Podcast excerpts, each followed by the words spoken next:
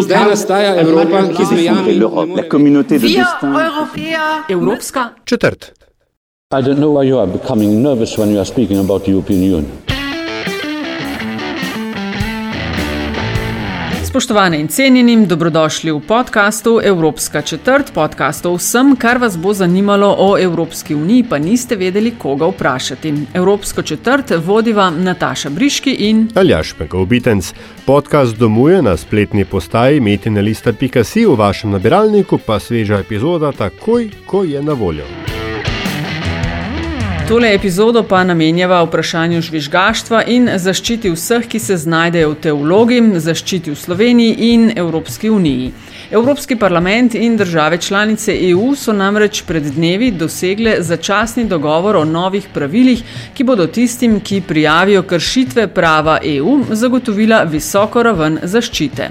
Kaj to zares pomeni, kako bo to izgledalo v praksi in na kakšen način o tem razmišljati? Za odgovore na vsa ta vprašanja sva poklicala dr. Almo Sedlar, predsednico Transparency International Slovenija in avtorico prve slovenske knjige o žvižgačih. Ukvarjam se s preprečevanjem korupcije. Sem sicer bivša novinarka, tako da prej je bilo moje življenje, velika večina njega povezana s pisanjem, zdaj sem pa pač pred par leti pa malce v bistvu zamenjala poklic, uh, ampak je seveda ta sedajni prav tako uh, izzivov poln, kot je bilo novinarstvo, če ne še bolj. Uhum. Alma, si tudi avtorica prve slovenske knjige o žvižgačih, o tem uh, bomo govorili v tej epizodi Evropske četrti, a lahko na začetku, da si razjasnimo pojme, uh, kdo ali kaj je žvižgač. Žvižgač je na kratko posameznik, ki zazna nepravilnosti v povezavi z delom, torej najpogosteje na delovnem mestu ali v povezavi z organizacijo, v kateri dela in potem na njo opozori. To je ena takšna splošna definicija žvižgača, res zelo splošna. Moram pa obenem tudi povedati, da prav uh, univerzalna definicija pa še ne obstaja. Tako da, če gremo brati različne publikacije, različno literaturo, so tudi te definicije zelo različne, univerzalne še ni. In uh, v skladu s tem so tudi v bistvu zakonodaje ali pa sistemi za zaščito žvižgačev po posameznih državah zelo različni. Pred dnevi Alma je završalo, ko je bil sprejet predlog Evropske direktive o zaščiti žvižgačev. Um, a je zdaj vsaj na, na vidiku nekakšno novo, drugačno posodobljeno obdobje, kar se tega vprašanja tiče? Jaz sem pač čez vikend brala ta predlog, že prej sem večkrat pač prejšnje osnutke in predloge. In moram priznati, da se mi je kar smejalo, ker po vsem tem, kar so doživeli žvižgači, doslej, ne samo druge po svetu, kjer so v končni fazi zaradi, eh, tudi že umirali zaradi svojih razkritij, pa to ne tako daleč stran od nas. Uh, tudi po Evropi so jih še pred kratkim preganjali, bili so odpuščeni in so še tudi v Sloveniji, ne na zadnjem, preganjajo jih po sodiščih in tako dalje. No, pa, če se vrnem, se je res kar smejalo, ker mislim, da ta predlog. Uh, direktive je pa res zelo, zelo dober približek tega, kar bi bil uh, idealen sistem za ureditev zaščite žvižgačev. Tako da, če bi me kdo vprašal še pred pol leta ali pa pred enim letom, če je kaj takšnega mogoče. Če se bo zgodilo, pač letos bi absolutno rekla, da ne. Pa mislim, da so enakega mnenja tudi številni kolegi, ki so si prizadevali za to, da se pač spreme to direktivo. Sej ni sicer še sprejeta, naj bi bila pa še v tem sklicu. Ja, ja. Eh, Evropskega parlamenta, torej predvidoma sredi aprila. Kakšen pa bi bil ta um, idealen uh, sistem zaščite žvižgačev? Ne? Jaz uh, v tem pogovoru sodelujem sedeč v Luksemburgu, kjer so še pred.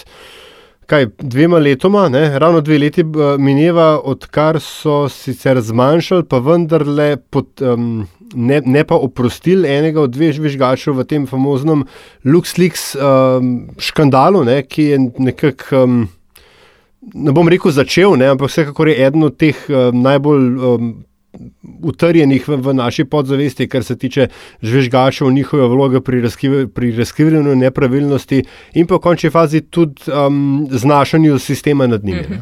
Ja, až tako kot si rekel, v bistvu je bil ravno ta primer. Uh, pač verjetno eden tistih je predstavljal enega tistih glavnih porivov ali pa zagonov, da, pač, da so se evropske institucije vendarle zganile na tem področju. Vse že prej je obstajalo kar nekaj dokumentov, pa ta zaščita je urejena zelo fragmentirano, tudi v zvezi s posamezno, tudi evropsko zakonodajo. Prav tako je recimo v Sloveniji v posameznih zakonih zelo parcialno urejena, ampak zelo slabo in zelo malo. Uh, ampak vseeno, ja, da bi se kaj takšnega zgodilo, kot se je v primeru Luksemburg Leaks pač z žvižgačema, se zdaj, potem, ko bo enkrat ta direktiva sprejeta in implementirana, si je res težko, zelo težko predstavljati, da bi bilo kaj takšnega še mogoče. Pomeni, da bi bil žvižgač zaradi svojega razkritja pač celo obsojen. In kakšne, recimo, kakšna je ta zaščita? Bi izgledala, zdaj, če bo šla ta direktiva uh -huh. čez in če bo implementirana tako, kot je treba, uh, kako bo ta zaščita v praksi, vsaj v nekih okvirih, izgledala. Uh -huh.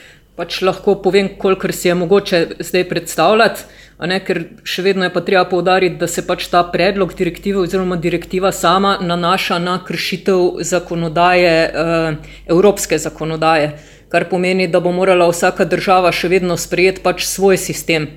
Eh, zaščite ali pa ga ustrezno prilagoditi tej direktivi. Uh, to, to je uh, pač pomembno vedeti, drugače pa kako bo zaščita izgledala. Pač direktiva nalaga pristojnim, to so predvsem delodajalci, verjetno bo pa treba ustanoviti, oziroma si zagotovo bo, če bo direktiva sprejeta, treba ustanoviti tudi neke posebne institucije, ki bodo sprejemali, sprejemale prijave žvižgačev in se tudi pač po potrebi ukvarjale z njihovo zaščito, če bi prišlo do povračilnih ukrepov. Eh, skratka, to bo izgledalo tako, da bo eh, recimo organizacije z več kot 50 zaposlenimi in pa občine z več kot 10 tisoč prebivalci, če kar konkretno povem, eh, bodo morale ustanoviti, pač občine bodo morale ustanoviti pisarne, za, ki bodo sprejemale posebne pisarne, ki bodo sprejemale te prijave. Eh, podjetja z več kot 50 zaposlenimi in tudi vse ostale institucije bojo pa morale vzpostaviti interni, eh, svoj interni sistem za obravnavo, za sprejem in obravnavo prijav žvižgačev oziroma poročil ali kakorkoli jih že imenujemo in pa tudi ukrepe za njihovo zaščito, kar je kot rečeno, zelo pomemben uh, korak naprej, ker recimo v Sloveniji so bili doslej, čeprav imamo predvsem v zakonu o integriteti in preprečevanju korupcije, tiste tri famozne člene, s katerimi naj bi ščitili prijavitelja in do neke mere se jih sicer da, ampak kot sem rekla, zelo uh, fragmentirano.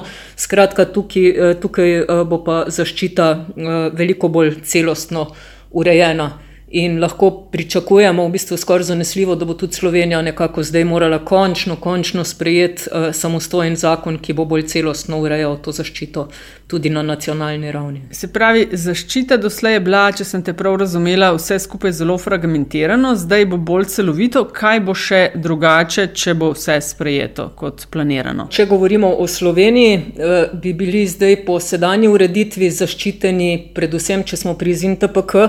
Eh, posamezniki, ki, pač, ki bi prijavili sum korupcije, ampak kot je pokazala praksa, je ta zaščita dejansko bila zelo parcialna, pa res samo v posameznih primerjih. Eh, zdaj bo urejena veliko bolj celostno, namreč zelo je širok razpon, tudi če se vrnem na Evropsko direktivo, zelo širok razpon je teh nepravilnosti, ki jih bodo pač eh, žvižgači lahko prijavili in bodo potem deležni zaščite, pač v primeru, seveda, da bodo deležni tudi povračilnih ukrepov. To je recimo od ne vem, goljufi pri davkih, prevar, seveda korupcije, finančnih goljufij ali pa nepravilnosti, do celo varnosti hrane, zaščite potrošnikov, zaščite podatkov, skratka ta okvir v zvezi s katerim bodo žvižgači lahko deležni zaščite, če bodo deležni maščevanja zaradi svojih razkritij, je zelo širok. Tako da to, to je ena od zelo, zelo pozitivnih uh, stvari, ki jih prinaša ta predlog uh, direktive.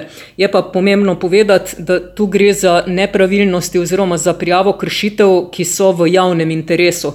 To so pa tiste, pri katerih bi bila tako velika škoda javnemu interesu povzročena, da, pač, uh, da se pač šteje za upravičeno, da je žvižgač na to opozoril.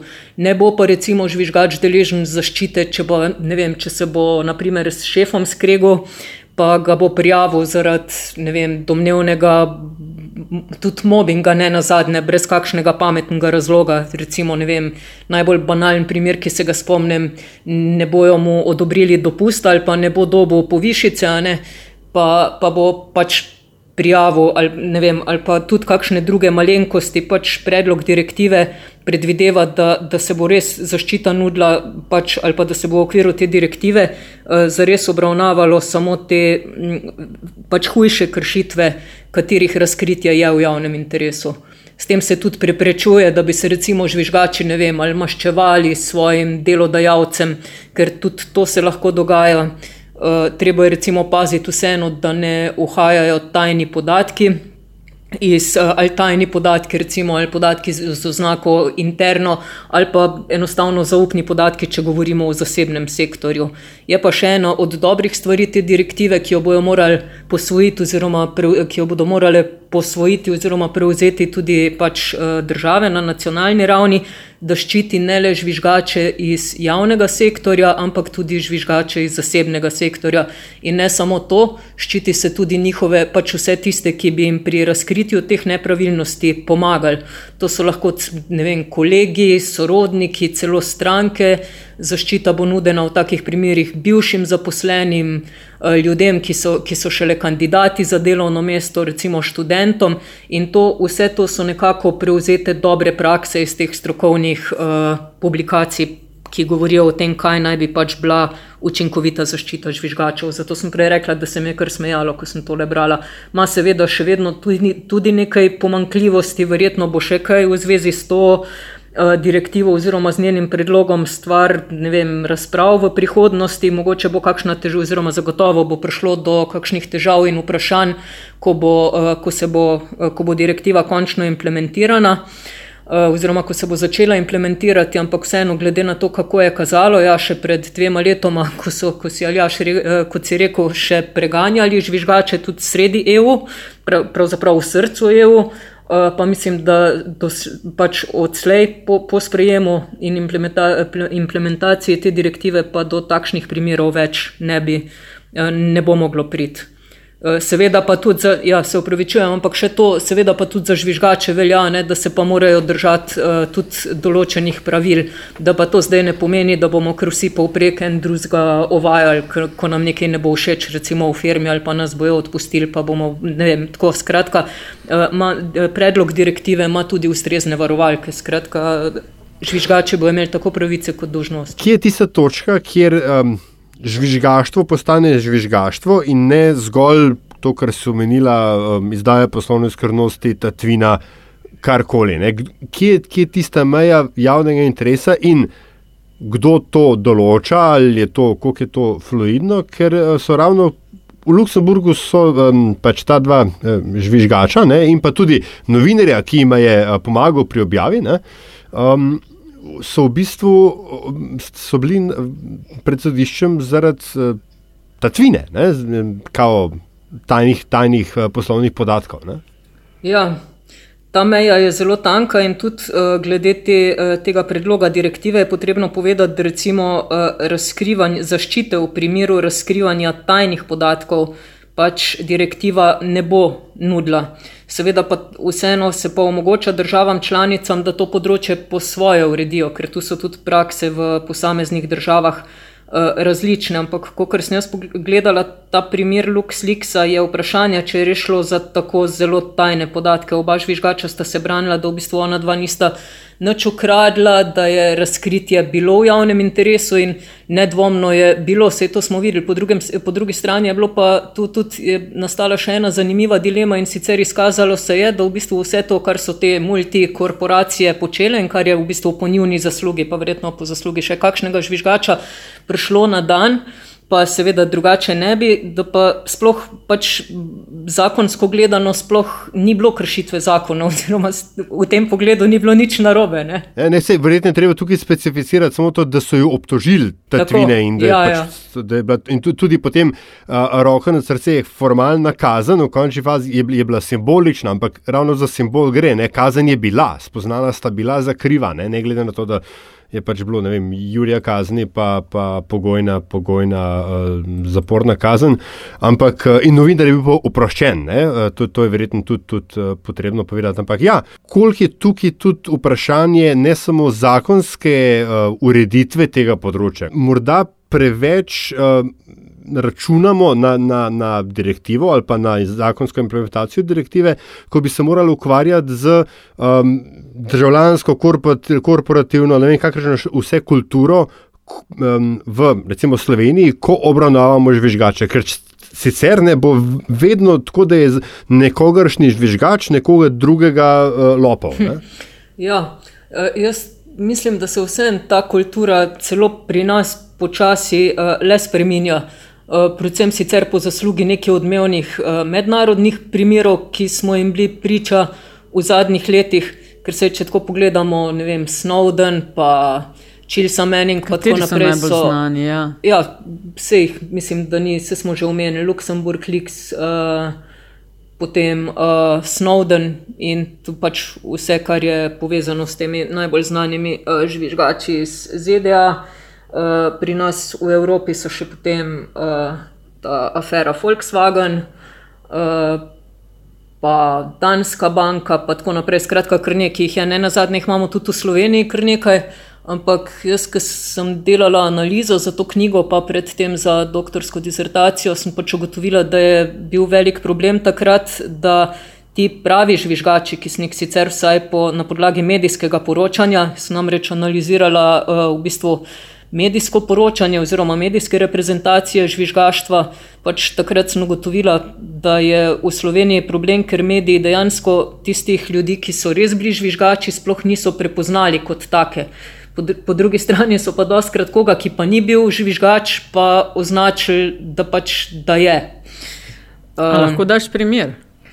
Ja. Um, Za oba primera, ki jo navajaš za koga so govorili ali pisali, da je žvižgač, pa zares ni bil in obratno. Uh mhm. -huh. Ja, recimo za Ivana Radana, dr. Ivana Radana, so pisali, da je žvižgač, ne? ker je takrat, ko so ga, uh, mislim, da že priprli. Je pač sam zase to rekel, ne, da on naj bi ta kali ubrizgaval, pa pustimo, jaz se nočem spuščati v to, ne, kaj je, pa kaj ni bilo res tako, ampak se, se pravi, kot je bilo pač mogoče razbrati iz medijev, je on takrat rekel, da je želel samo opozoriti na nepravilnosti in da je pač zato ubrizgaval karkoli že je ali pa naj bi ubrizgaval.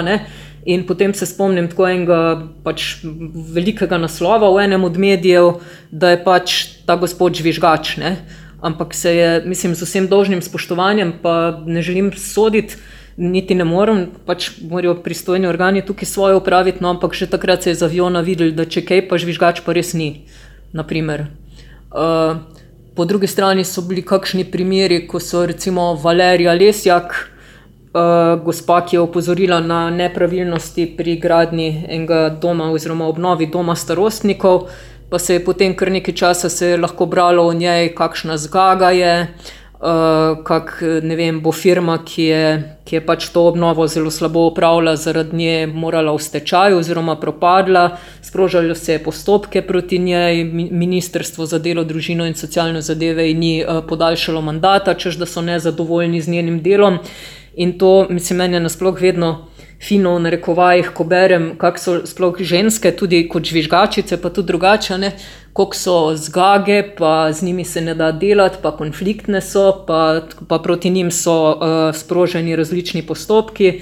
Tako to, ja, to velja ne samo za sicer za ženske, recimo, ki se izpostavijo iz takšnih ali pa drugačnih razlogov, ampak bi si upala trditi, da tudi za žvižgačice.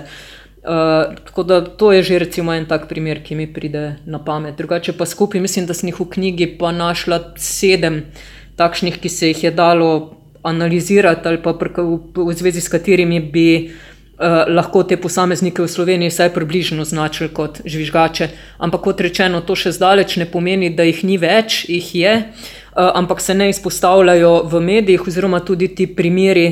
Uh, žvižgačev pogosto, seveda, niso izpostavljeni.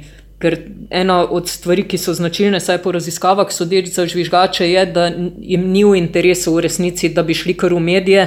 Velika večina žvižgačev pač uh, opozori oziroma vda prijavo znotraj institucije, če ta ustrezen sistem za obravnavo prijav in tudi za zaščito obstaja, se bo velika večina žvižgačev torej odločila, da bodo znotraj, eh, znotraj organizacije, v kateri delajo, pač opozorili na te nepravilnosti. In šele, če jih je recimo strah, da se ne bo z njihovo prijavo nič zgodilo, ali pa če jih je strah povračilnih ukrepov, ali pa se dejansko nič ne zgodi, se bodo obrnili potem ali na druge organe, torej na organe pregona, ali pa v končni fazi na medije. Skratka, potrebno je vedeti, da zelo, zelo majhen odstotek tega, kar dejansko razkrijejo ali pa prijavijo žvižgači, pač pride do medijev. Seveda pa doskrat gledamo, ne vem, pustimo zdaj KPK, recimo policijo, tožilstvo, ne, ko ne vem, razkrivajo kakšne hude primere, pa se potem jaz včasih vprašam, kje, kje so kaj te informacije dobili. Ne, in doskrat se da recimo tako razbrati, mogoče iz prispevkov ali pa iz izjav, da so zelo verjetno žvižgač, od žvižgača, ampak seveda bi bilo zelo nekorektno in neprofesionalno, če bi to povedala, ne, ker bi s tem tudi povečali možnost, da identiteto žvižgača razkrijajo. Aha. Mhm.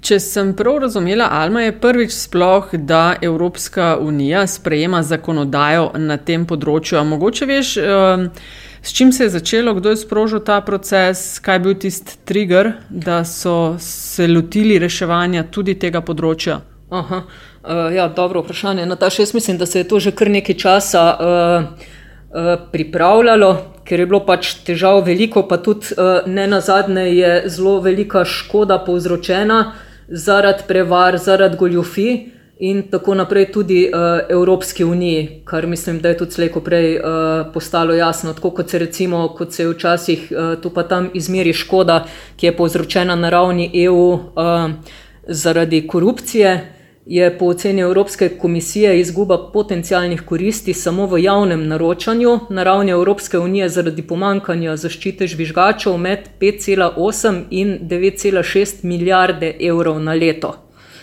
To je recimo en tak, uh, eden od redkih, ne vem, nekakšnih empiričnih uh, podatkov. Eh, potem pa, ne vem, tudi Evropska komisija je imela, mislim, Evropska komisija je že imela svoje žvižgače, pa tako naprej. Tole se je pač ta, ta direktiva, to se je počasi nekako rojevalo in pripravljalo, ker težav je bilo vse več. Videli se je, da pač na ravni EU res eh, zaščita ni ustrezno urejena, vsaka država ima malo po svoje, pač ene, ene imajo samostojne zakone, druge nimajo. Tudi vse več primerov je, je bilo, ti primeri so v glavnem javno zelo odmevni. Uh, tako da je bil pač z tega vidika res že čas. Po drugi strani je pa tudi na ravni EU že bilo kar prej sprejetih nekaj dokumentov, pa kot sem že rekla, v posameznih zakonodajah je recimo ta zaščita že urejena, naprimer na finančnem področju in tako naprej, pa še nekaj bi se jih našlo, ampak to je zelo fragmentirana, uh, pač zelo fragmentirano urejena zaščita, tako da je zelo, zelo velika vrednost res tega predloga, da bo to končno uredil nekako na celostni in celostni ravni in na način, da bo poenotil ta pravila, eh, česar do zdaj res ni bilo. Eh, eno vprašanje se mi še poraja, um, pa je to mogoče mal posledica moje filmske vzgoje. Ne?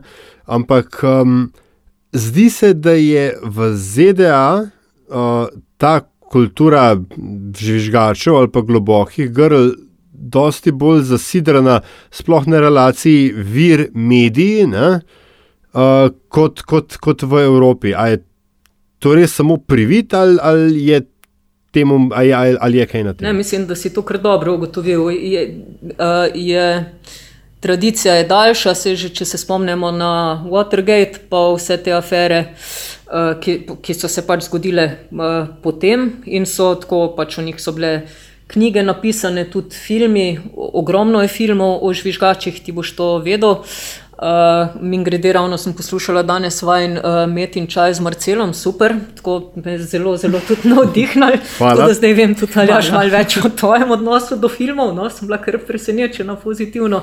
Ja, in skratka, na desetine filmov je posnetih o žvižgačih. Tako, to, tako da so postavili, recimo, ja, večina teh filmov seveda izvira iz ZDA in tam bi lahko rekla, da so tudi prav del pop kulture. Uh, Uh, ja, in z tega vidika, frajeri, nekje sem zasledila, da, ma, da imajo Združene države Amerike, mislim, da čez 80 raznih zakonov in drugih zave, pravno zavezujočih dokumentov, ki to zaščito urejajo, ampak po drugi strani se jim je pa vsem, kljub vsem, vsej tej zaščiti, se jim je pa vsem zgodil Edward Snowden. Pa poglejte, kako je zaščiten, pa kje je.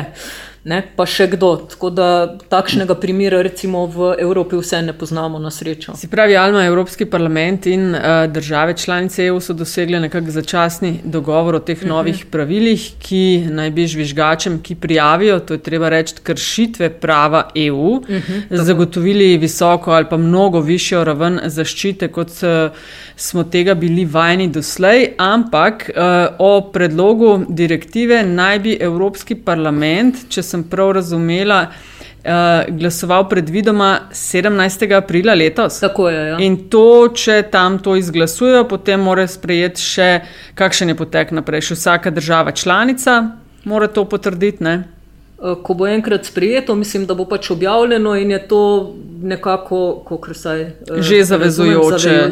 zavezujoče. Bo pa nekaj let eh, časa za implementacijo, nekje v predlogu direktive sem zasledila za celo štiri leta, recimo za podjetja, da si uredijo te svoje notranje sisteme. Uh, uh -huh. Drugi je, sem zasledila, da dve leti, ampak vsekakor bo neko tako časovno obdobje, no, da tudi države pač to implementirajo v svoji zakonodaji.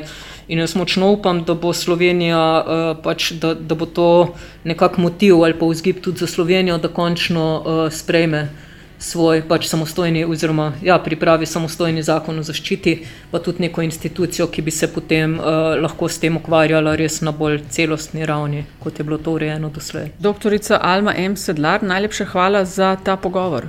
Hvala tudi vama za vabilo.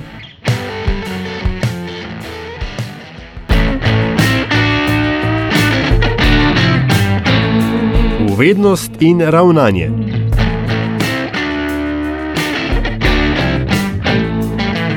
Evropski statistični urad Eurostat ugotavlja, da je bilo leta 2017 v EU rojenih 5 milijonov 75 tisoč otrok, kar je manj kot leta 2016. Stopnja rodnosti je znašala 1,59 otroka na žensko, medtem ko je leta 2016 1,6 otroka na žensko. No, ženske v EU so leta 2017 v povprečju prvič rodile pri 29,1 enega leta. Najvišjo rodnost ima Francija in najnižjo pa Malta. V Sloveniji je bilo leta 2017 skupaj rojenih 20 241 otrok. Poprečna starost žensk ob rojstvu prvega otroka pa je bila 28,8 leta. Slovenija se po stopni rodnosti uvršča rahlo nad povprečje EU, ki znaša 1,59. Potem, ko se je britanska premijejka Theresa May že pripravljala na še tretje glasovanje o sporozumu o izstopu iz Evropske unije in ko se je začela nakazovati možnost, da bi v zameno za nekatere druge notranje politične poteze tokrat za sporozum vendarle lahko glasovala večina poslank in poslancev spodnega doma britanskega parlamenta, je v ponedeljek popovdne predsednik spodnega doma Simon Burkov sporočil, da tretjega glasovanja ne bo dovolil. Pri tem se je skliceval na tradicijo in postopek. Pri tem se je skliceval na tradicijo in postopkovna pravila iz 17. stoletja, ki pravijo, da parlament o predlogu, ki je vsebinsko enak ali zelo podoben že zavrnjenemu, v istem mandatu ne more glasovati dvakrat. Poteza je presenetila tako zagovornike kot nasprotnike Brexita vseh barv, vonjev in okusov, še posebej pa vlado Theresa May. Ta se na mesto glasovanja tako zdaj posvetuje in pogaja o nadaljnih korakih. V času snemanja te epizode je do Brexita zgolj še 9 dni, usoda morbitnega podaljšanja pogajalskega obdobja pa je še zelo negotova. To je bila Evropska četrt. Hvala za pozornost. Predlogi, mnenja, pohvale in kritike so kot vedno dobrodošli na infoafnametinalista.si.